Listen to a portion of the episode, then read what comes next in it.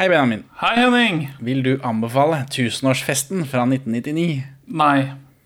Vil du, Henning, anbefale tusenårsfesten fra 1999? Uff, det har jeg ikke tenkt på før, før nå. Jeg glemte helt. Ja, ja, ja. ja jeg må bare Hvorfor anbefale. sier du ja til det? Det, det, det Hvorfor kommer sier fram du i ja til det? podcasten. Det er det vi lager podkast om.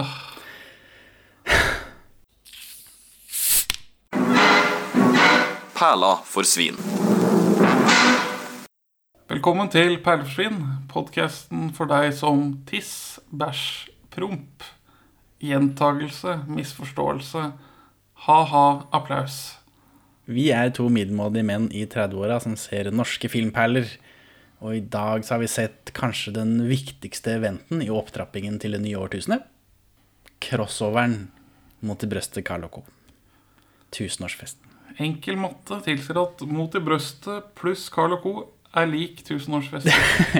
ja, det er det det står i begynnelsen av denne eh, VHS-en som vi har sett.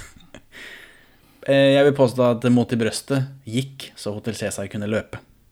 Mot i brøstet, der, der lagde de én episode i uka, mens eh, Hotell Cæsar lager én episode om dagen. Mens før det så hadde ikke norsk TV-produksjon eh, hadde ikke, Det gikk ikke så på skinner. Det er min påstand. Det var, det var tre Fleksnes-episoder i året. For å bruke et eh, stort ord for våre lyttere nå, har du, har du empiri for denne påstanden? Eh, Nei. Mot i brøstet. 141 episoder, åtte sesonger, mellom 1993 til 1997. Fleksnes.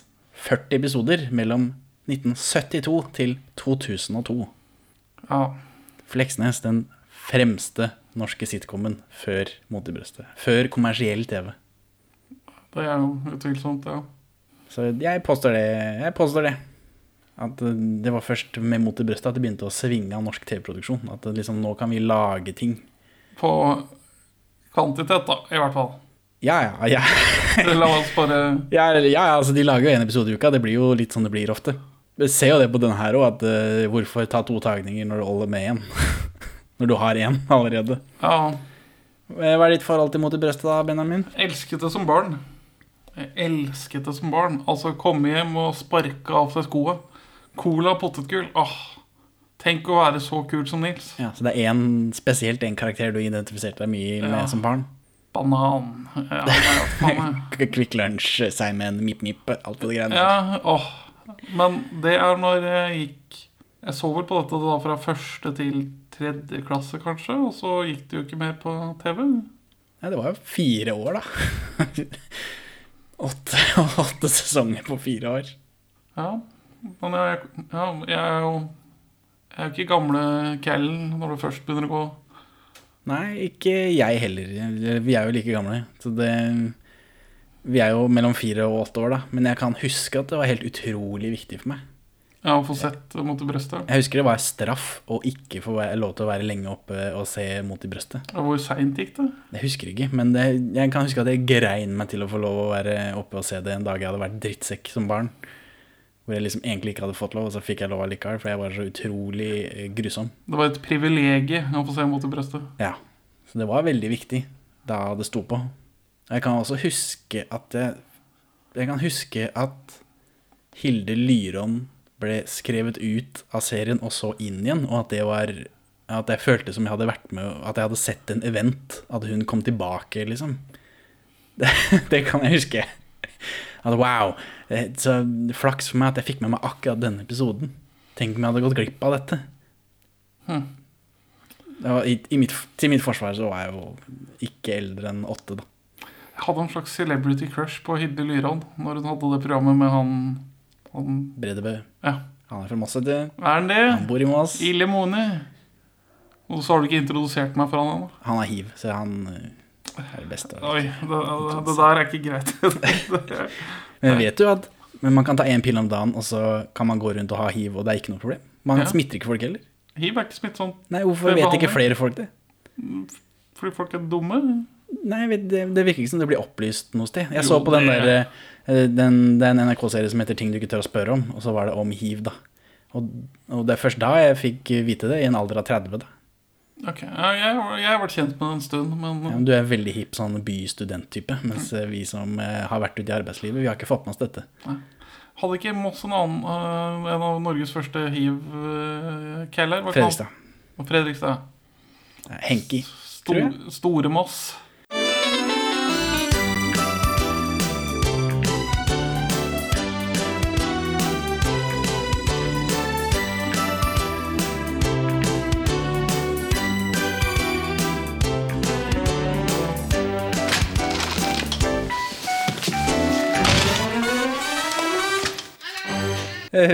Nok hivprat, eller mer hivprat? ikke, ikke som the butt of jokes. eh, jeg, vi, kan heller ha folkeopplysning. At eh, hiv-smittede under behandling i dag lever fullverdige liv og er ikke smittsomme. Ja, det var ingenting, liksom. Du kan bælme en liter hivblod så lenge de tar den, den ene pilla. Ja, drikking er ikke den beste måten å overføre hiv på uansett. Nei, nei, men jeg ble så overraska, liksom. Hvorfor har jeg ikke hørt dette? For jeg har jo gått og tenkt at liksom, hiv er en form for dødsdom, selv om hvis du har masse penger, så overlever du. Å ja, nei, hiv har ikke vært en dødsdom på snart 20 år, tror jeg. Nei, I den vestlige verden, altså. riktignok. Nei, altså, han, hva heter han da? Magic Johnson, han eh, basketballspilleren som fikk hiv på 90-tallet, eller sånt, noe, han eh, holder på i beste velgående, han. Men han har tenkt at han er sånn, eh, sånn millionærtype, så han får det til, fordi de har masse penger. Men, så det var USA vil jo trenge litt penger, da, antageligvis. Det vil man sikkert. Og som alt vi importerer fra USA, så er mot i brøstet dårlig. Ja, for du sikter til eh, skaperen her, Tore Ryen, Ja. som Burde bli nektet innreise. Tore Ryen har jobbet i Hollywood, og er det noen som ikke lar deg glemme det, så er det Tore Ryen. Hver gang han er i media, hver gang det er noe intervju med han, så er det snakk om den tiden han, tiden han var i USA, og han blir aldri lei av å snakke om det. Folk blir aldri lei av å spørre om det. Det kommer opp hver eneste gang. Men jeg, øh, når jeg researchet en film vi så her forleden, 'Søndagsengler', så fant jeg en artikkel som nevner at norsk film gjør det som regel ganske dårlig på kino. Og var fra, dette var fra Sweetwater-tiden, da jeg var på, var på et lastekromkjør i Riksarkivet. Eh, nei, Nasjonalbiblioteket. Men da er det snakk om at Men vi har skjønt at i Hollywood så vet man hvordan man lager film som trekker folk på kino. Så da er det snakk om at man allerede nå har begynt å sende folk til statene for å lære av de amerikanske mesterne. Altså på slutten av 80-tallet. Ja, rundt 88, da. Men Tore Rien han dro på egen hånd. En slags Håkon Håkonsen for 80-tallet.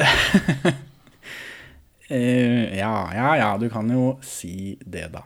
Tore Rien, sønnen hans Adam Rien, er stemmen til gutten i Rescuers 2, en offisiell Disney-film.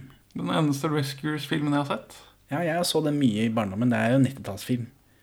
Eh, Men han er stemmen både i den norske og i originalen. Det visste jeg ikke. Nei, av, fordi han og Tore Rien da bodde i Hollywood. Eh, og eh, Adam har en bitte liten birolle i Child's Play 2. Chucky 2. Ja. Og det er, det, det er hans karriere på filmfronten. Nå er han sikkert en business-type. Jeg vet ikke. Tore Ryen jobbet med Aaron Spelling og fikk videorettighetene til Dynastiet i Norge. Det var liksom det er, det er begynnelsen på denne mytologien hans, som er opptrappingen til Mot i brøstet. Men før det så har han jo jobba i NRK. Han begynte som 18-åring i NRK. Tulleringingens far i Norge. Ja, han har jo noen tulleringeplater også. og Smil til det skjulte kamera, han og, og Trond Kirkvaag er jo med der som veldig unge. Plutselig så skjer det, pappa er på TV. For en kjempedebut. Smil til det skjulte kamera.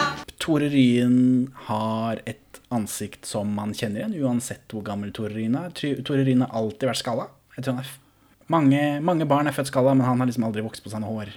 Nei, han, han gir inntrykk av å være en sånn type som mista det rundt 15. Bare puberteten. Håret. Ha det bra.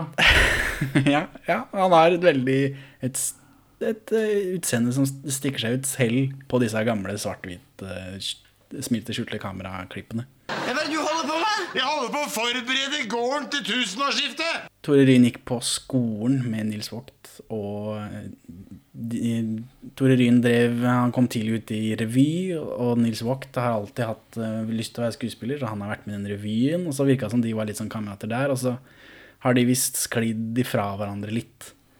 Fordi de har levd hvert sitt liv. Tore Ryen eh, var jo inne i NRK, hva uh, Nils Vogt drev med, vet jeg ikke. Han har vel sikkert vært noe teatergreier, da, som er uh, Jo, han har drevet og fiser rundt i små bygder i Norge med noe teatergreier. Hm. Så da har de liksom Kulturelle skolesekken. Ja, ikke vet jeg, men eh, da har de vært ifra hverandre, på en måte. Selv om de har vokst opp sammen. Før de da kommer sammen igjen i denne fantastiske serien vi kjenner som Mot i brøstet. Oh. Nei, her var ikke mye nytt. Hallo, Carl.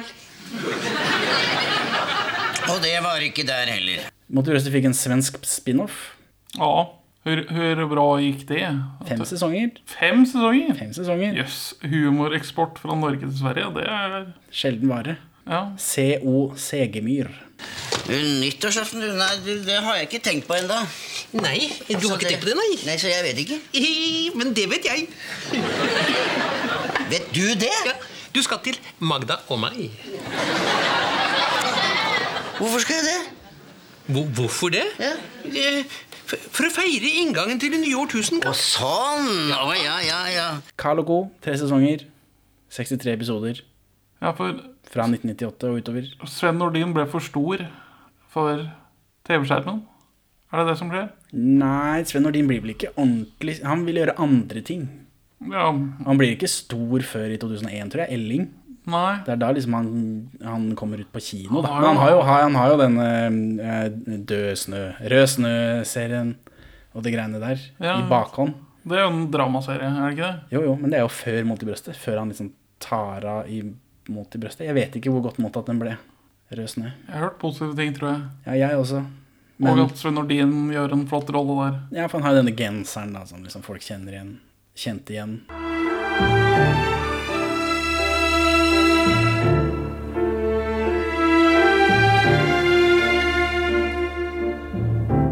Vet ikke om, den, eh, om, den, om det varte, på en måte. Sånn som Mot i brøstet Nils har jo vart noe veldig. Hver gang det er snakk om eh, Sven Nordin, så er det Mot i brøstet. Må være med uansett hvor mye han jobber og gjør ting.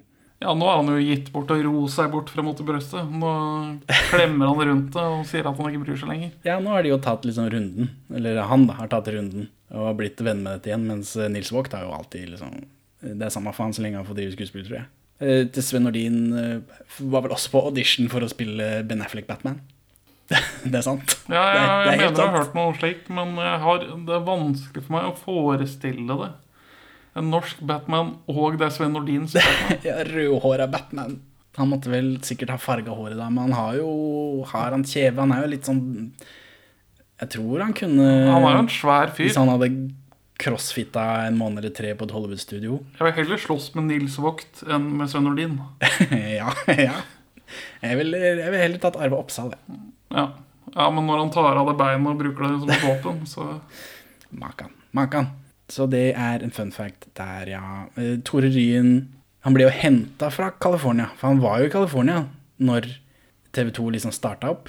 Og da er det Dan Børge Akerø, tror jeg, som er sånn programsjef der. Og så henter han Tore Ryen fra California. Han bor i California, lever livet i California. Han skriver mye sånn um, det er musikk sånn jingler og ting. Han lever litt av det. Og så er det han, han tar de smulene han får, tror jeg, uten at han har sagt det med de ordene.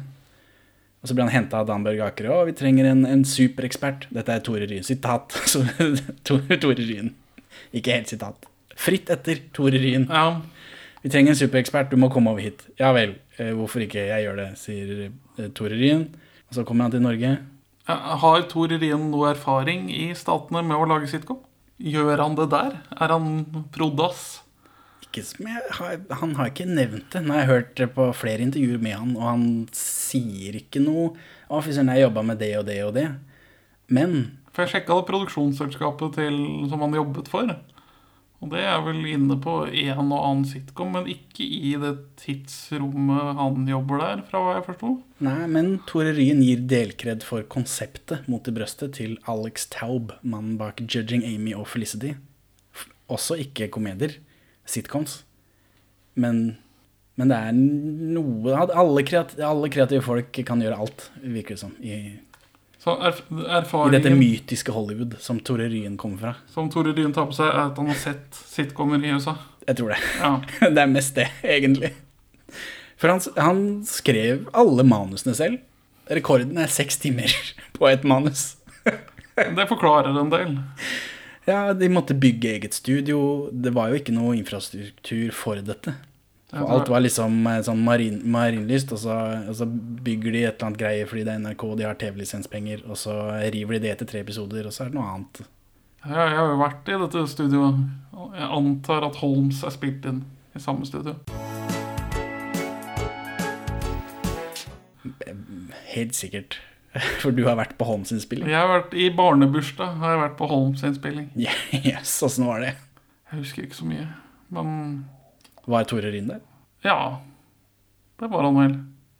Jeg vet ikke, spør deg. De, de, de drev jo og booka hele gjengen, sto på scenen og Ja, ja, ja. Eh, Monty Brøstad spilte de på mandager, og så er det nytt manus på tirsdag.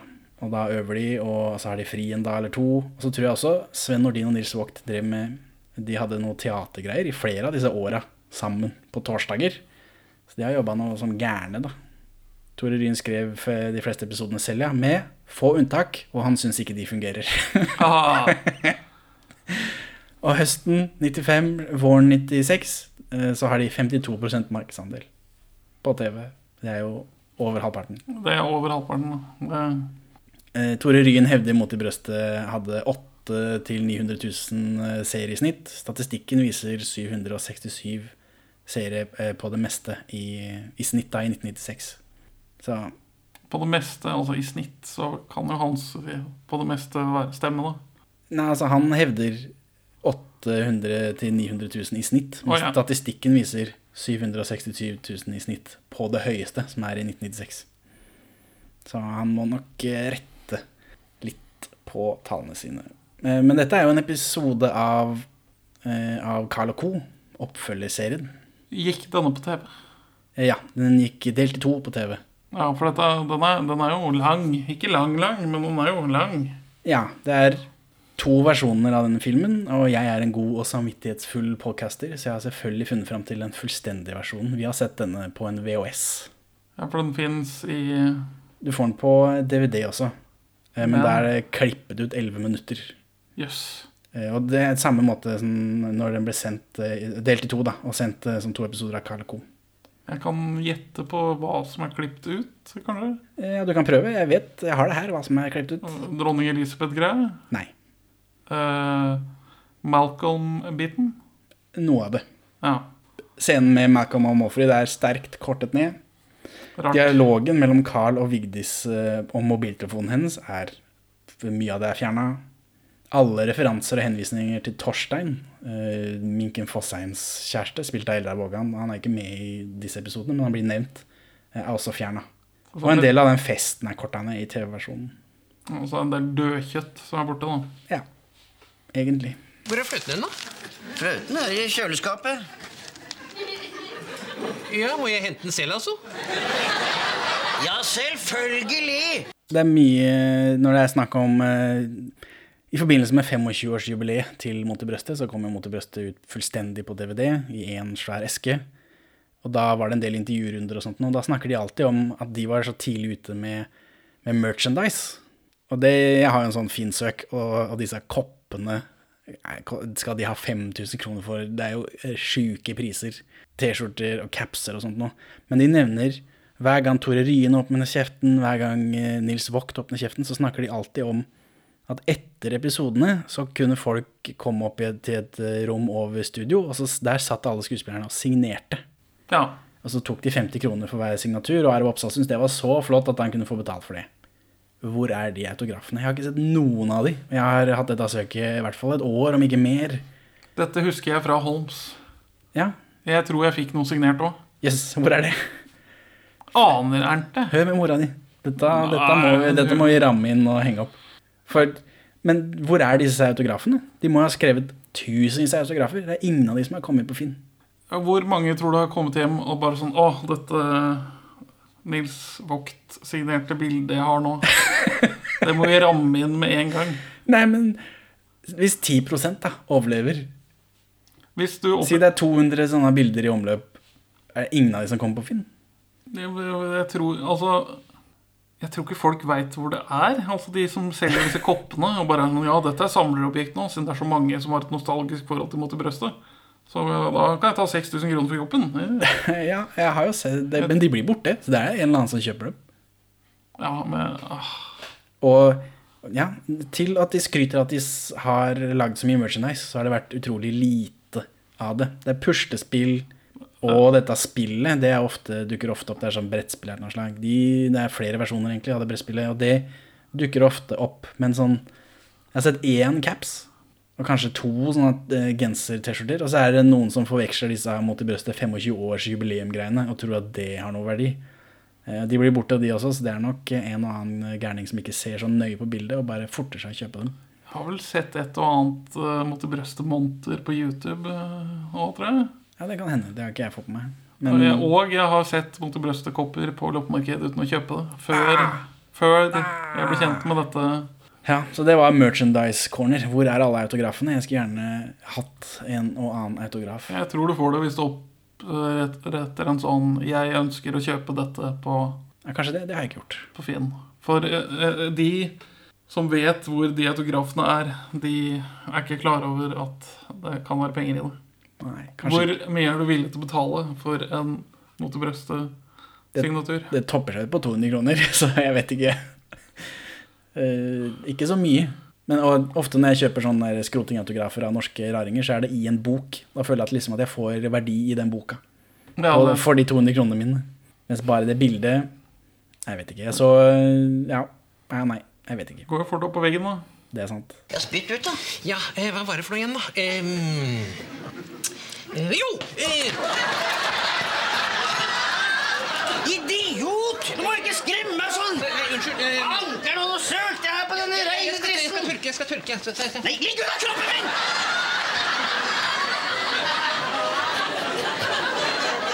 Nå, nå ligner du litt på Magda. Nå har ikke jeg orka å se noe mot i brøstet i voksen alder, men som sagt så var det veldig viktig for meg som barn. Men jeg har sett bakom filmen, som følger med på denne VHS-en, og det er mulig de har plukka liksom de verste klippene til bakom filmen, men det er helt utrolig mye grisevitser i Mot i brøstet. Som gikk rett av hodet på meg som femåring. Hopping og skriking og bananer og sånt nå fikk jeg med meg. Ja. Og så Mipp Mipp, det var gøy, men jeg tror ikke jeg vet helt hvorfor. Nei. Også... Men, liksom, men de vitser om ståkuken til Carl, det er liksom ikke måte på. Nei, det kan jeg ikke huske. Nei. Nei. Så jeg vet ikke om de bare har valgt absolutt det verste. Nei, Det morsomste jeg liksom husker fra barn, er jo det at Nils ikke oppfører seg etter korrekte sosiale normer. Ja, Han er uhøflig. Det er det som er gøy. Ja. Ja, og spiser banan og liksom at han lever et, eh, et, idealt, eh, et ideelt barneliv som voksen. Det er to åpenbare mangler i denne, denne filmen, TV-filmen. På castingsida. Er det noen du, du savner? Eh, Wenche Foss. Nei. Hilde Lyron. Ja. Hun er den eneste fra Mot i som ikke er med i filmen.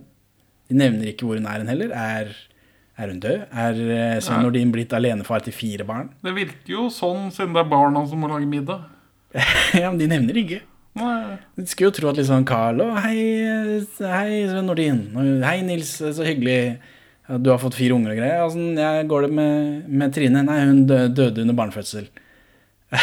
liksom Ja, men de nevner ikke med et ord. Og så er det eh, Grete Kausland, da. Fru Fransen. Vaskedama i Carl Co. Hun er heller ikke med. Uvisst hvorfor. Ja, ja. slå opp i gule sider her. Skal vi begynne på filmen, da, eller? ja, hvorfor det? Nei, fordi det er derfor vi er her, da. Definer film. Det er en TV-film, da. Sammenklipt dobbeltepisode, vil mange kanskje kalle det. Det vil mange kalle det. Og så er det sitcom. Det virker jo Når vi ser på det, så virker det som om det er lett å lage det, men jeg vet ikke hvor lett det egentlig er. Å skrive sånn at du, må, du skal pumpe ut en del prompevitser i minuttet. Ja, det, det er en relativt høy tetthet, men det er mye eh, Det er et par formelvitser som sliter seg veldig ut bare i denne dobbeltepisoden. Ja, men så er det noen litt lengre setups også, som kanskje man kunne jobba litt med. Jeg tenker spesielt på denne lettølen. For Målfrid kom på besøk. Hun skal, han, Carl spør skal du ha en pils, og hun sier nei, har du ikke noe lettøl? Ja, han har en lettøl. Og så kommer den på bordet. Og det Vanligvis eh, Setuper pleier ikke å være så åpenbare. Vanligvis så pleier man å ha et poeng med den originale setupen. En god komedie. Har du, en, har du et poeng med denne lettølen? At du, at du har en vits rundt denne lettølen. Og så senere kommer den tilbake når, eh, når Malcolm skal ha en Moncon. Men, så det stakk seg veldig ut. Altså, jaha, nå gjorde de masse ting, og så var det ikke noe poeng med det. Det var ikke noe vits, det var ikke noe humorpoeng. For alt, alle de lange, kronglete veiene de går ellers, har en umiddelbar payoff. Men humorpoenget er jo at sånn man kan si Malcolm Malcolm. Jo, men det tok så lang tid. Det tok så lang tid. Så da hadde jeg på en måte Jeg la merke til at det her er det et eller annet som mangler, og så kom det fem minutter etterpå. Mens vanligvis så får du en lang De går en veldig lang vei for å sette opp en vits, og så får du vitsen med en gang. Så jeg skjønner at eh, da, var, da følte jeg at det var verdt det. eh, I gåsetegn. jeg skjønte hvor de ville. Men det åpner med litt Y2K-humor. Er overraskende at det bare kommer én vits på det. For det var jo den store vitse-punching-bagen i noen år. Ja, for denne heisen. Hans, eh, Harald Heidesteen eh, skal fikse heisen fordi den har en dataskip som ikke registrerer år 2000. Det gikk egentlig greit, det der år 2000-greiene. gjorde det Ja, ikke det? men det var veldig mye arbeid bak å få det til å gå greit. Det var det. Ja. Det er fordi de som etablerte dette Unix-tallsystemet, de gjorde det bare tosifret. Ingen tenkte over at At det skulle vare så lenge. Nei. Da har vi sikkert ordnet, da har vi sikkert kommet på noe annet, sier de. Ja, når er neste gang vi går skeis? 2071 eller noe? annet? For da, da går man tom for uh, antall tegn man kan lagre i den Altså basert på Lærte de ingenting av eh, Y2K? Nei, men altså hele datasystemet er bygget på inter. Da får man bare sånn 36 millioner. Så med en gang, med en gang man når det tallet, så ja, da resettes alt. For problemet er at når du Ok, vi teller opp, altså, så går vi til 99, og så starter vi bare på null igjen. Da skjer det rare ting i en del dataprogrammer. Det, ja, det er vanskelig å forklare. Hva syns du om Harald Heidesteen, da? Junior? Han lukter eh, full bestefar gjennom skjermen. Ja, heldigvis for han så har han fått en rolle hvor han skal spille fyllik. Ja. Så det er nok metodeskuespill. Tror du ikke det? Han er en helt utrolig jovial type, da. ja. Jeg, er litt sur på filmen. Jeg, jeg, jeg, Altså, hva er det du er sur på, da? nei, jeg, er for blasert og jævlig til å bli underholdt av dette her. Jeg ler tre ganger, tror jeg. Du ler ikke så jævlig mye mer, du heller, herr anbefaler. Nei, men Ja, jeg, jeg kommer til det. Eller vi Spør meg på slutten, sånn som vi alltid gjør i hver Ja. eh, episode, for det er det som er formelen vår. Knut Lystad dukker opp. Irriterende nabofigur. Ja. Klassisk sitcom-type, det. Ja. Tore Ryen, i alle disse intervjuene sine, så, så nevner han at Ulf, altså denne karakteren som eh, Knut Lystad er basert på, er basert på svogeren hans. For svogeren hans er et helt ubrukelig menneske. Han snakker så mye dritt om svogeren sin. At han, Svogeren hans er redd for livet. Han bare skriver rim og dritt. Han gjør liksom ingenting. Han tar aldri en eneste sjanse, for Tore Ryen er en sånn Han tar sjanser og drar til Hollywood, mener han selv, da. Ja, men altså Er det ikke høyt testosteronnivå som fører til skalletett. Det kan hende. Så da vil det jo være mer risikosøkende. Og, Ja, ja, at han er en machomann. Men det å gå ut i så mange podcaster og intervjuer og, og snakke dritt om svogeren sin Det høres jo Han sier 'svogeren min', så jeg antar at de er svogere ennå. Men han, hvis han er så feig, så vil han jo ikke gjøre noe med det. Altså, Nei, men det er kleint å ha på liksom, under julaften der allikevel. Da. ja, Men altså når Tore Ryen kommer hjem til han, så presser han til veggen og liksom albuen på strupen og bare «Eh, 'Godt å se deg, kongen!' Få høre noe rim, da. ja, så det, det er egentlig det morsomste med den karakteren. At Tore Ryen er så negativt innstilt til svogeren sin. For det er, det er den eneste karakteren han liksom drar fram som basert på noe, er, er den. I helsike er det som foregår her? Ja, det er mitt hus, og hvem i pokker er det som har gitt deg beskjed om å rive av det? Ja, men dette skal ikke koste deg et øre, det, Lønning. Du forklarer med studien fordømte pappskalle, er ansvarlig for det her, hvor jeg nå skal bo. Tidlig på med ekte latter, ikke rør kroppen min. Ja, det, da, da ble jeg flau. Men jeg hadde ikke forventa at uh, Lystad skulle ta Nils Vogt på tissen. Ja, for jeg har sett en del Carl og Co. i oppveksten, tror jeg, uten at, jeg har, uten at det har brent seg såpass Ja, inn i meg som mot i brystjordet. Nå, nå modnet jeg veldig fort, så jeg så aldri Jeg fikk aldri noe glede ut av Karl og co. Nei. Uh, nei, jeg vet Jeg fikk det aldri til å funke. Altså, når jeg, jeg så vel på det når det først kom, og så var det sånn Det her er ikke like morsomt som Mot i brøstet. Det her går ikke. Ja, nei, jeg vet jeg så på det, men jeg har ikke gjort meg opp noen tanker om det. Men Mot i brøstet husker jeg som er veldig viktig, mens Carl Co. bare var der, kanskje. Jeg har ikke tenkt noe på det i etterkant. Men eh, at Knut, Knut Lystad han gjør ting så folk søler, det er hans greie.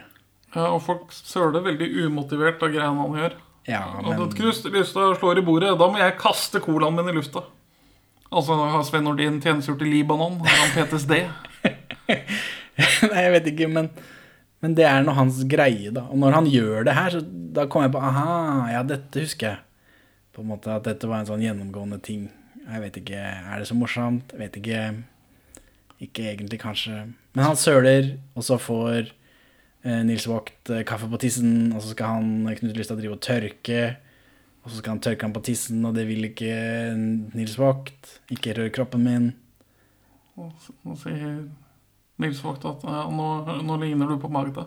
Knut Lystad sier at han, eh, Nils Vogt ligner på Magda. At han ligner på kona hans. Og der lå vi begge to på ordentlig. Ja. Veldig tidlig på. Så tenkte jeg nå skal vi kose oss. Ja. Nei, det er ikke meningen å være surpromp, men uh, dette er humor på veldig lavt nivå. Det er det. Altså, om jeg hadde levd i en boble og bare hadde dette på EØS, så hadde det sikkert fungert veldig bra for meg. Men det blir såpass enkelt at eh, Ja, altså, hvis jeg bare hadde hatt dette på EØS, aldri sett Mot i brøstet eller Carl Co., så hadde jeg gitt blanke faen. Jeg ja, kjenner men, jeg blir glad. jeg hadde, Hvis man jeg kun hadde Tore Riens samlede verker tilgjengelig på den øde øya Ja, og sånn, ja. At du har vokst opp i en boble med bare denne VHS-en. Ja, det kan hende, men fordi det er så mye annet eh, fantastisk humor. Curb Your Enthusiasm og, og de greiene der som overskygger, mener du? Ja. Hoity-toity Ja, jeg vet ikke det. Men, jeg, men dette er Dette blir, favner så jævlig bredt. jeg blir glad av dette på denne varme, nostalgiske måten, som jeg har nevnt flere ganger her. Jeg kjenner at dette er noe fra min barndom. Det rykker noe i meg, men det er jo ikke Det er ikke godt humorhåndverk. Det er kjapt og gæli, og det slutter veldig fort. Det slutter veldig fort. Men det kommer vi til, antar jeg. Men det er først og fremst eh, denne nostalgifølelsen. Det er viktigere enn, det er enn vitsene. Nostalgien tenner inn varme lys i meg. Nei, eh, det er fordi du er en kald og kjip fisk. Dette må rives. Eh, ja, det må det. Ja. Eh, du, jeg går og henter noe dynamitt, jeg. Ja. Nei, dynamitt. Det er den eneste måten å gjøre det på det. Da blir du kvitt eh, rottene og skuret i ett eneste smell. Eh, Brødrene Dal kan tenne nostalgien i meg. Ja, det er av den politiske snerten, da. Ja, men nei, det er fordi at det kan uh, nytes på flere måter enn ett nivå. Ordspillhumoren, som gikk meg hus forbi som barn, treffer meg i dag. Ja, for her er det ikke nok ordspill. Ja. ja. Ja. Ordspill, the pinnacle of wit, tror jeg noen har sagt. Jeg vet ikke, jeg tror kanskje vi har litt sånn ja, Jeg vet ikke om jeg setter ordspill spesielt høyere enn prompehumor. Og dette her er jo prompehumor, først og fremst. Og ordspillhumor i andre rekke. Knapt ordspillhumor. Ordspillhumor kan i teorien kreve litt mental gymnastikk. Men du er jo en ordspilltype Du er jo skada. det er det noe galt med. Så glad i ordspill som du er. Nei, du skjønner, jeg kom i skade for å rive gærent hus i formiddag. Den vil han, vet du. Jevne han med jorda. Du skulle sett han der eieren. Han var forbanna, han. Syns du ikke det var noe morsomt? Nei, jeg syns i grunnen ikke det. Et plottpoeng i denne filmen Et plottpoeng i denne filmen er at søppelskuret skal rives. Og da må det ringes en ekspert. Og tilfeldigvis så er det Sven Nordin som er riveekspert. Så driver rask riving. Ja, for han jobber på Superen imot i brøstet. Det stemmer. Men nå er jo eh, Trine død, antar jeg. Så da har han slutta å jobbe der. For Trine jobber jo også der. Det er alle de vonde minnene. ja, ja. Alle de vonde minnene i, liksom, i potetgullhylla der. Så han har begynt som riveekspert istedenfor. Og det første vi ser, er at han river et hus sånn halvveis. Og da kommer han vaktmannen fra Olsmannen. Han veldig, veldig gamle mannen fra Olsmannen. Han, han er jo veldig mye eldre her. Jeg spotta han først. Det er helt Før viktig. vi fikk et nærbilde en gang. Jeg kjente igjen fra sida. Ja, kjente igjen formen. Ja, han, har, han har sin utstråling. Ja, han spiller vaktmann i, i for mange Olsmann-filmer. I den siste òg. Rundt samme tid som dette. Det skal du få rimelig, Ludvigsen. Rask, Ludvigsen. Ja, både rask og rimelig, Ludvigsen. Så viser det seg at Sven Nordin har selvfølgelig revet feil hus, for det er humor. Men det huset til Per Ståle Lønning, det var jo gøy, da. Ja, en fyr som er kjent for å kjefte på TV. Ja, og eh, han er jo en, så på dette tidspunktet så er han jo TV 2-inventar. Det er jo kanskje det viktigste. Ja, han er tilgjengelig for Ja, for produksjonen. Han og Tor Erling Staff har et program, og Tor Erling Staff blir jo nevnt senere som advokaten til eh, Per Ståle Lønning. hvordan, hvordan går det med Per Ståle i dag, da, Henning? Jeg vet ikke, åssen går det med han? Nei, han liker jo å drikke seg full og krangle med folk på Twitter. Ja, det er og sjikanere damer på Twitter. Og Ja, akkurat det verste har jeg ikke fått med men jeg har vel fått med at han eh, kan være litt tørst. han, har ikke, han har ikke akkurat noen stor TV-tilværelse nå for tiden. Nei, men så er han jo 70 år eller noe sånt, da, så han er jo pensjonert. Men drikke og tvitre, det kan han. Så han er jo en hipp type. Det kan hvem som helst. Hans Bauge blir ikke nevnt med et ord. Skuffende. Han er jo fast inventar når man snakker om eh, lønning og staff. Dessverre. Klipp av han som skriker, antar jeg. ja, eller Nå holder du kjeft og setter deg litt Berge, kan nå på plassen! Men er du blitt helt rabiat? Berge, Berge, kom deg på plass! hold kjeft nå, så sett deg litt grann nå. Men så, to kjemper møtes igjen. Carl og Nils på samme skjerm. Ja, Det er jo Det er tre år siden sist, da, så det er ikke så Det er ikke, så, det er ikke et sånt møte. Det er, det er ikke 20 år imellom. Men det er, det er noe, da. Det er tre år siden sist. Ja, det blir jo applaus fra publikum mens disse to apekattene ser på hverandre. Nei, altså, Carl går inn i en veldig sånn apete positur. Ja, for han blir jo sånn sjokkert, da. At jaggu er det Sven Nordin. Det er jo tre år siden jeg har sett deg sist. Eh, Det er litt pussig at du har barn som er seks år gamle. Men det nevner du ikke. Nei. Nei, nei, nei, nei, nei. Eh, og så er det noe klemming, og de, det blir snakk om at de har bodd sammen, og, Hva, hva, får, hva får man da i 1999 på norsk TV? og Knut Lystad er jo også der, og han blir litt sånn forvirra. Så det blir jo et snev av homohumor, men jeg føler det kunne vært mye mer grusomt. Det kunne Vi, eh, Ja, vi dodga en del. Ja, for han spør jo bare Å, dere har vært kjærester? Det er ikke noe sånn la sånn der Oi, er dere sopere? det er liksom Å, har dere vært kjærester? Ja. Det er jo åpent og friskt. Ja, øh, ja det, er ikke, det er ikke så ille som, øh, som jeg frykta. Det er flere steder her denne filmen dodger de verste øh, humorpoengene. Ja, ikke alltid, da. Nei, men skal de med. som sagt, kunne vært verre. Og så Sven Nordin spiser banan, da. Det er noe jeg kjenner igjen fra gamle dager. Og så kutter vi til Spania. Her er de, dette er en sitcom-episode med flere locations. Oi, oi, oi. Det tror jeg til og med tre sett. Det er hjemme hos Nils også. Ja. Spania, Casa Elna Norvega. Arve Oppsal overraskende med. Han er overraskende glad og fornøyd, og han beveger seg. Han er liksom litt sånn spretten. Ja, og- Det inntrykket jeg har av han, er at han alltid ligger på sofaen, for han har vondt i ryggen. Og det hadde han jo på ordentlig. Han hadde vondt i ryggen på ordentlig på mot i brøstet, så han ble liggende på sofaen. knerta noe smertestillende han har fått i anledning amputasjonen sin. Da. Men det er vel litt seinere. Åssen er det, ja? Det er Er det rett før Olsenmannen 1999? Ja, det er det kanskje. Jeg lurer på om ikke det er mellom denne og Olsenmannen. Ja, for han, han halter jo litt til tider her. Ja, men Det er fordi han er gammel, tror jeg. Jeg tror ikke, han, jeg tror ikke de tok beina hans fordi han hadde så vondt i benet. Det var jo diabetes. Ja, ja, men det er ikke sånn at 'Å, du har diabetes, så nå må vi amputere beinet siden du har diabetes'. Det har jo en Diabetes har jo en effekt på beinet. Når du ikke får blod til beinet du benytter, så er det Og det begynner å råtne, så er det faktisk ubehagelig, Henning. oh, ja. Så da kan man halte litt mens du går rundt på et råtnende bein. Ja, det kan hende. Han sitter mye i sofaen der, da. Men når han er oppe han, I første scene så er han jo oppe og går, og han er liksom jovial og med. Ja, Karakteren hans spiller en rolle som feminin servitør.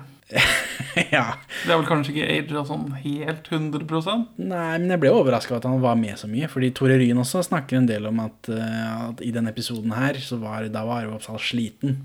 At Han, liksom, han begynte å bli ganske sliten på slutten han måtte i brøstet, og dette er jo tre år etter det igjen. At han liksom ja, at han var sliten, da, men jeg syns ikke det syntes så særlig. Nå spiller han full nesten gjennom hele episoden, tror jeg. Ja, på slutten så er måten han spiller full på litt Det virker litt vond, kanskje. Kanskje han har, mye, han har vel mye erfaring. Jeg må si det! Jeg vil bare hjem. ja, er vi ikke ferdig snart? Jeg har en siste ordsmann-film på spillen også. Herregud, poenget er jo at vi bodde sammen i samme leilighet noen år, ikke sant? Sammen med en, en sånn tredjemann. Å ja, sånn trekant, ja.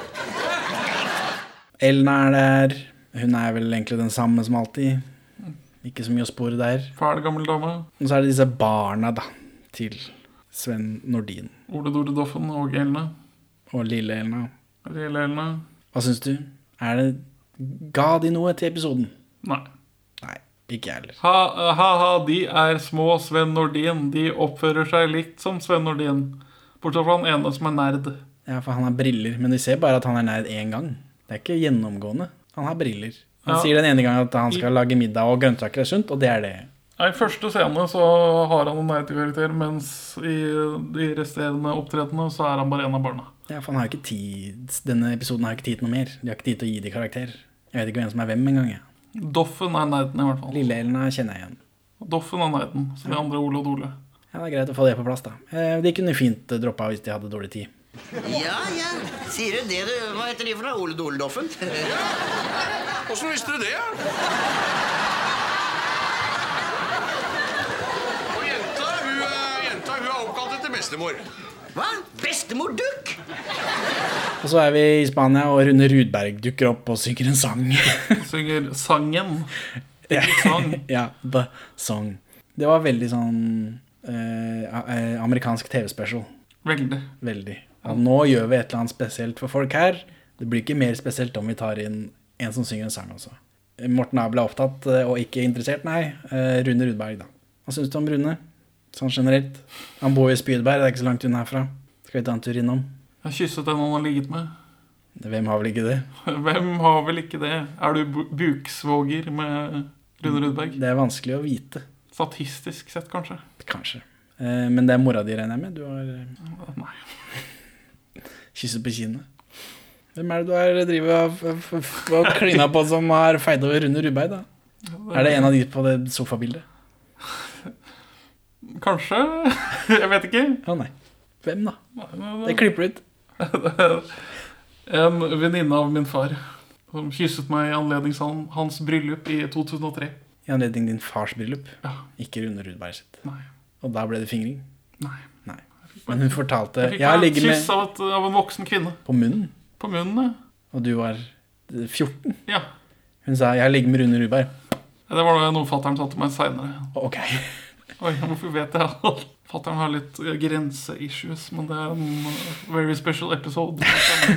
Og Henrik, kan du ikke legge av deg den der feminine minen, da? Jeg beklager, altså, men sånn blir jeg hver gang jeg skal være kelner. Så blir vi interessert for Minken Fossheim, søstera til Carl. Og lage Ja, hun er søstera til Lage Fossheim på ordentlig, ja. Men hun spiller søstera til Carl i denne serien. Det er døde begge to. da. Både Lage og Minken. ja, Når var det Minken-repa? Ja, det husker jeg ikke, men det begynner å bli år siden, det òg. Hva, hva er minken kjent for igjen? Eventyr om Mozart. eh, En, en, en Jeg sendte, kjent- jeg sendte det på Jeg så bildet, men ja. det, det, det Jeg tror hun er sånn barne-TV-dame. Skal ikke se Ja. bort fra at hun har vært med i Huset med det rare, Ja, kanskje. det Uten at jeg skal love det. bjelle, ja.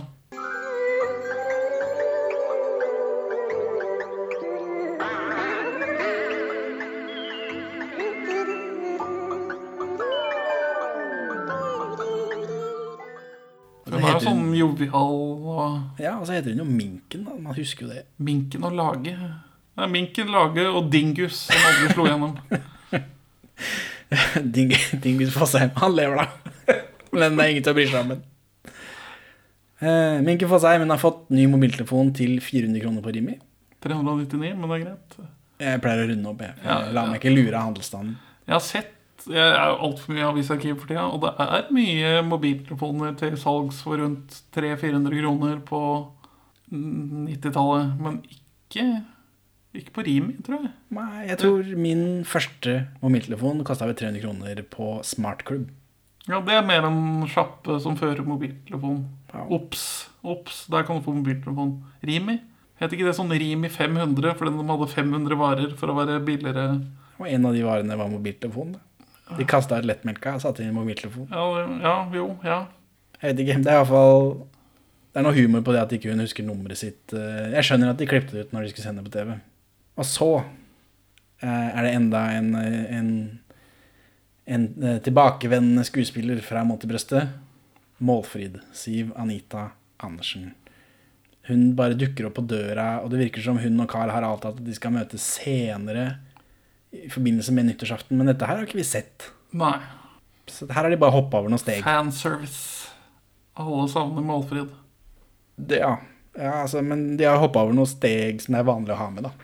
Men de skulle jo ha med disse unga til Nils. De hadde vi ikke tid. Nei. Så får vi noe hint her. Målfrid har jo en forlovede som er lege, og vi skjønner, vel, vel begge hvor dette skal gå. Vi blir litt sånn bekymra. Han har et engelskspråklig navn. Ja. Ai, ai, ai. Hvordan skal en 90-talls sitcom håndtere dette, tenkte jeg. Eh, For han er jo afrikaner, da. Og vi får et par sånn eh, drypp, men ikke, det går ikke så gærent som jeg frykter.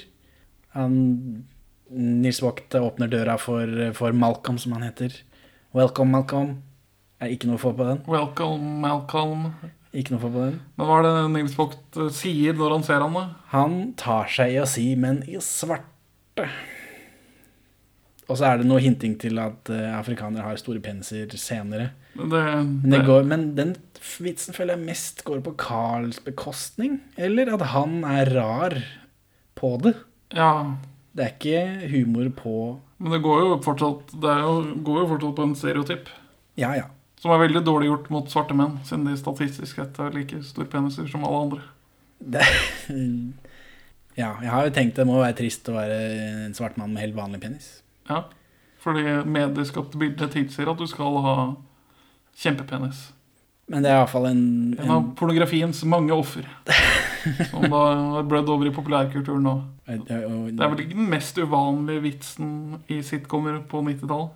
Det kan jeg ikke tenke meg.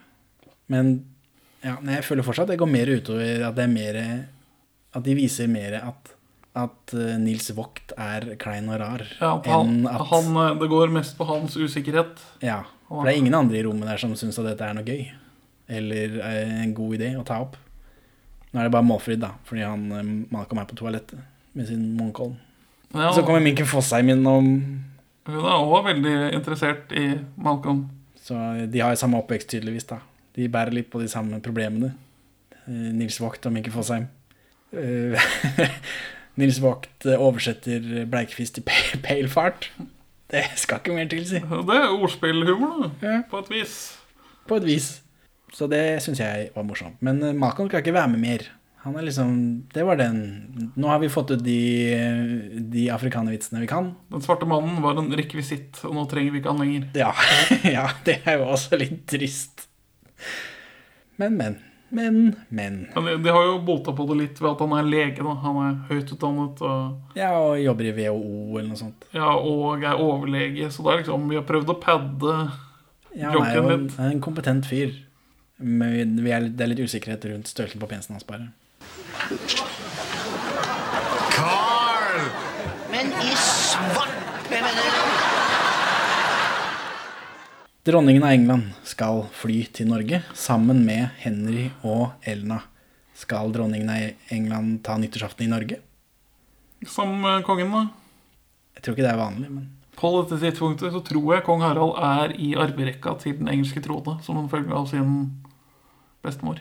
Jeg regna på den gang at uh, før de reformerte litt ut på 2000-tallet, så var det kong Harald nummer 615 i, linjen til den engelske trone.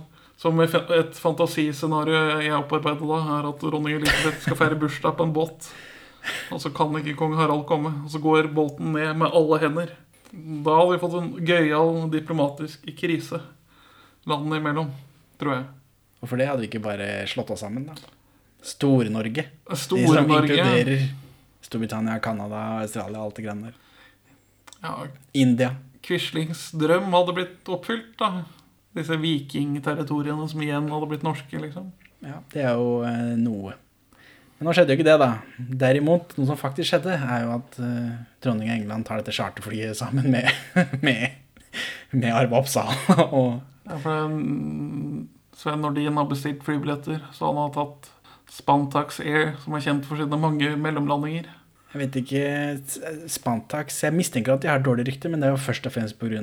Harald Heidesteens uh, sketsj hvor han er Spantax-pilot. Spantax er et er slash var et ekte selskap Ja. og the butt of a joke.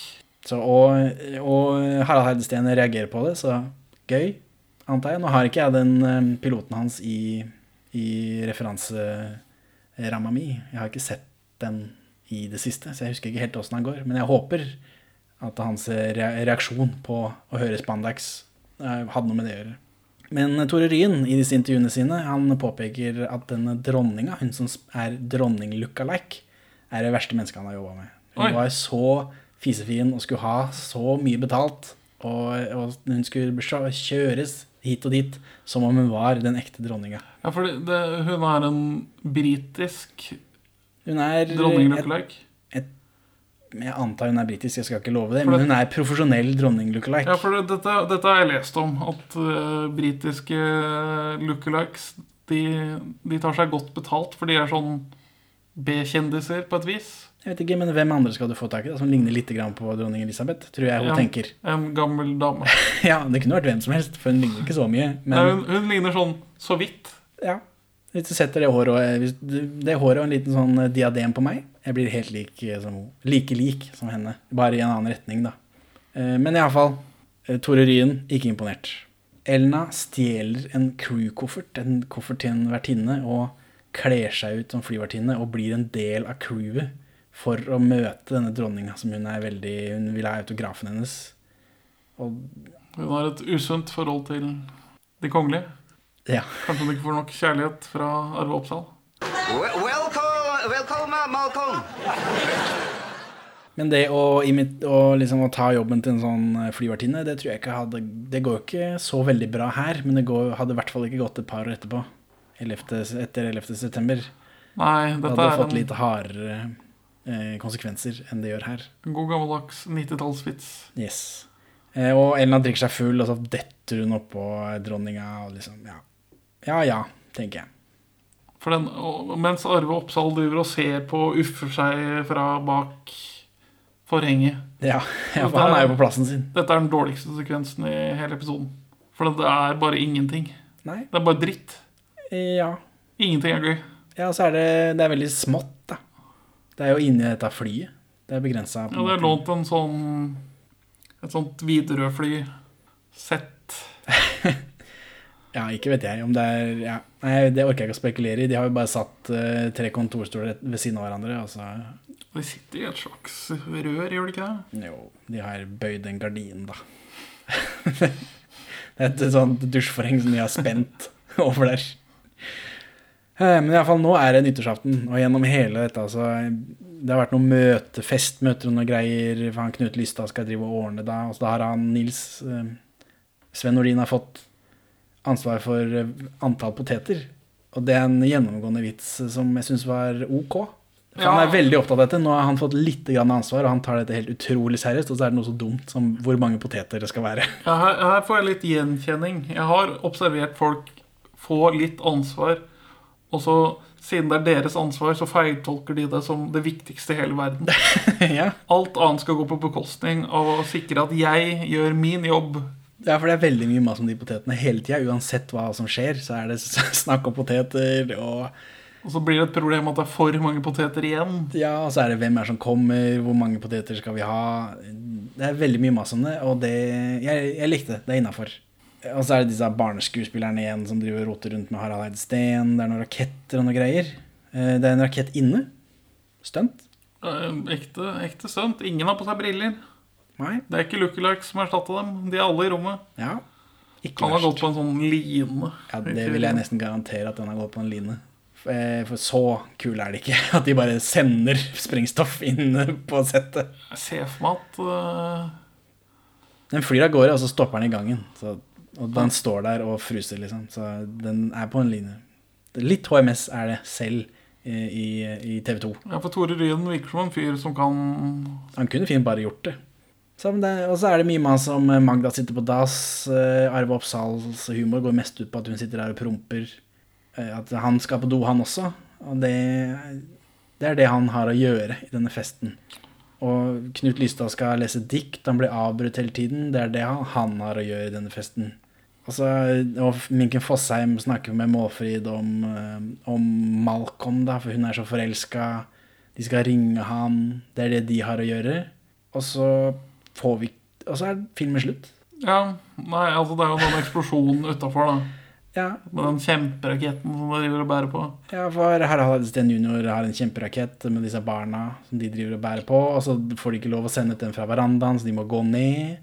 Så er det en kjempeeksplosjon, og så kommer han eh, Harald Sten opp kølsvart. Og da er dette skuret revet, og da skal han ha betalt for det, da. Film brått slutt. Men hva skjedde med nyttårsaften? Er, er, er dette før tolv? Det er jo før tolv. Ja, det, De har sendt noen sånne prøver, har de sagt. Når de smeller, så sender de sånne prøver. det er ikke noe ti, ni Nei, det er ikke noe klimaks her. Nei. Jo, det, det, er, det er Tusen takk. 20 000 takk. Ja, det er en punchline. Det er Ja. ikke klimaks. Det, det, det, Det er en av 100 punchlines i den filmen. ja, men dette er jo dette, Det slår ikke noe dette, mer an enn de andre. Dette er en payoff også. Og Den lener seg tilbake til første scene. Det er riktig. kombinert med en punchline blir til et klimaks. er vel Tore Ryens matematikk her. I en film som heter Nyttårsfesten, så skulle man tro at de fikk med seg nyttårsaften. Det som heter Tusenårsfesten, så skulle man tro at de fikk med seg tusenåret. De får ikke med seg tusenåret engang. De er i 1999 hele tida. Antiklimaks. Veldig.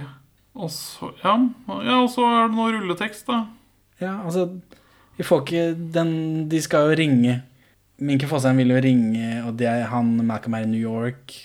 Og Nils Vogt er, litt sånn Det er sånn langdistansetelefonopplegg som er noe vi brydde oss om på 90-tallet. Og, og det skjer ikke noe på det heller. Det er ikke noe payoff på. Det blir bare glemt alt sammen. Ja. Jeg vet ikke, Kommer Arve Oppsal seg på do? Jeg vet, jeg vet Ja. ikke. Han prøver seg på et tidspunkt, men Magda er en sånn karakter som ikke vi får se, så hun sitter jo alltid på do. Hvorfor kan ikke de gå på do i leiligheten til Lystad? for eksempel. Men eh, ja, ja. Det slutter på trynet til Harald Heidesteen, og det er jo gøy. Og så får vi rulletekst med en sånn teknoversjon av Mot i brøst-temaet.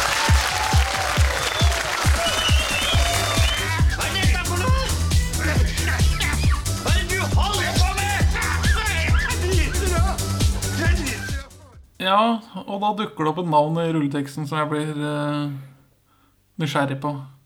Reg Sebastian med Z. Har du slått opp, da? Ja, nå er jeg på filmografien hans på IMDb, og han har Han har komposert på Mot i brøstet, Carlo Co., Holmes, Tusenårsfesten Ja. Det er kameraten Tore Ryen, da. Man... Det, det er kanskje, kanskje det er han sønnen til Tore Ryen? Hva heter han? Adam. Adam, ja. Det- Kanskje det er Tore Ryens pseudonym. Ja, for det virker som en måte å kutte Noe hjørner på. Det er et selskap i Drammen som heter Sebastian. Han, han er på Spotify. Han er på Spotify. Det er penger å tjene der. Ja, men han har ikke noe musikk der, da. Han er bare, han er bare på Spotify. Null monthly listeners. Smestad, vi har mer sjampis. Stå på kjøkkenbenken. Åssen var blandingsforholdet igjen? Fire til én, du. Eh, akevitt og fire deler Farris. Nei, omvendt! Etter den, eller I den rulleteksten med teknoen så får vi også en blooper av, en blooper av den første scenen. Den hvor han Harald Eidesteen er i heisen. For Da kommer han ut med masse røyk, og så i denne blooperen så får de ikke bort røyken. Det blir veldig mye røyk. De ler, det er god stemning. Ja, Det er det meste vi ser Nils Vogt kose seg på kamera, i hvert fall. Ja, takk for oss. Det var det. Dette var år, årtusenets crossover. Ja, Men de har jo padda det med denne bakomfilmen fra Mot til brøstet, da. Ja, på VHS-en så er det følger med en bakomfilm fra Mot til brøstet, ja. Men det gjorde ikke det når det gikk på TV. Så Benjamin, hvorfor vil du ikke anbefale Tusenårsfesten fra 1999? For dette er gledesløst søppel.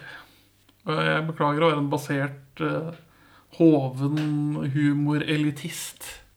Dette er siste gang jeg ser denne. Dette er andre og siste gang jeg ser denne. Ja, ja.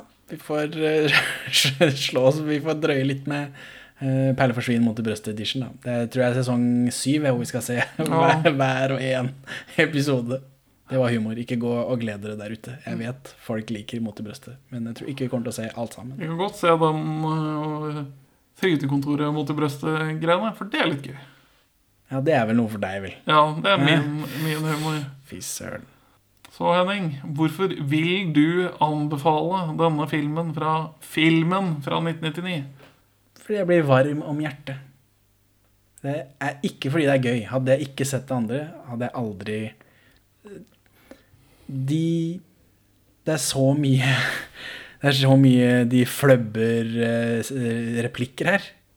De stotrer litt, og det er liksom Men de bare fortsetter, og de tar ikke tagning nummer to. At de i hele tatt har en blooper til å ha på slutten, er helt utrolig for meg. Og det, ja, mikrofoner, eh, hender den kommer nedi der. Og, og på et tidspunkt så tror jeg Carl snubler i stolen sin, men de bare fortsetter. Det gjør han jo bare mer menneskelig. Det er ekte. Ja. Sosialrealisme. På, på grunn av det så blir det overraskende nok Så bidrar det til en slags autentisitet. Autentitet. Ser du, nå gjorde jeg akkurat det samme. Det- Heter ikke autentisitet? Autentitet. Autentitet. Uansett, en av de er feil, og jeg kommer til å beholde begge to for at det skal bidra til enten autentitet eller autentisitet. Jeg, jeg kjenner meg igjen i den biten der, da, når vi, i hvert fall når vi sitter sånn som dette. Men det er sånn eh, Nå skal jeg ikke påstå at, at det er naturtrådd dialog, men det er sånn dialog fungerer, da. Og, jeg, og det er veldig sjarmerende å se at uh, ja, ja, det er ikke så nøye, liksom. Hei og hå, her uh, vi kjører på, vi lager TV for TV2. Her er det ingen regler. Uh, Men først og fremst er det fordi jeg, liksom, jeg blir glad i hjertet av barndomsminner. Ikke nødvendigvis klare bilder, men jeg kjenner at dette Det er nostalgi. Jeg kjenner at dette er noe jeg har sett før. Jeg hadde et varmt forhold til det tidligere. Jeg blir glad. Jeg koser meg. Det er Jeg kommer ikke unna at det er dritt. Jeg vet det, jeg òg. Men jeg kan ikke noe for det. Jeg kan ikke styre følelseslivet mitt. Eh, Jeg er ikke like hard og kald som det du er. Nei, jeg hadde vel blitt hard og kald allerede når denne kom. Når jeg tenker meg om. Ja, altså, som sagt, Carl og Co. Ikke noe sånn kjempeforhold til det. Mot i brøstet, helt enormt viktig for meg. Ha det bra, Benjamin. Adjø, Henning. Takk for at du hører på Perler for svin. Du finner oss først og fremst på perleforsvin.no, men også på Twitter under perler-for-svin, Facebook som perleforsvinpod, eller du kan maile oss på perleforsvinpod at gmail.com. Gi oss gjerne en eh, rating i din lokale podcast-avspiller, og, og legg igjen en beskrivelse, så folk skjønner hva det er for noe tull vi egentlig driver med. Her er ukas Pål Bang-Hansen-sitat ute av kontekst. Yes, he was an innovator, but he was also under for a lot of uh, different drugs, from alcoholics to heroin. Millenniumdikt av Ulf Rask Ludvigsen. Et årtusen er slutt. Vi står ved et skille. En linje er brutt. Var det dette vi ville? Og kanskje burde vi nettopp i kveld stoppe opp litt og spørre oss selv. Hvor er jeg? Hvor går jeg? Og hvor har jeg vært? Du, nå hørte jeg at hustruen slapp ut en fjert.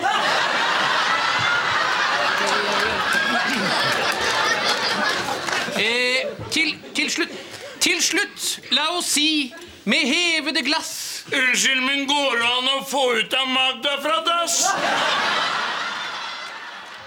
Velkommen. Nei, hva er det man skal si, da? Uh, Det vet jeg ikke, dette er det eneste ansvaret du har.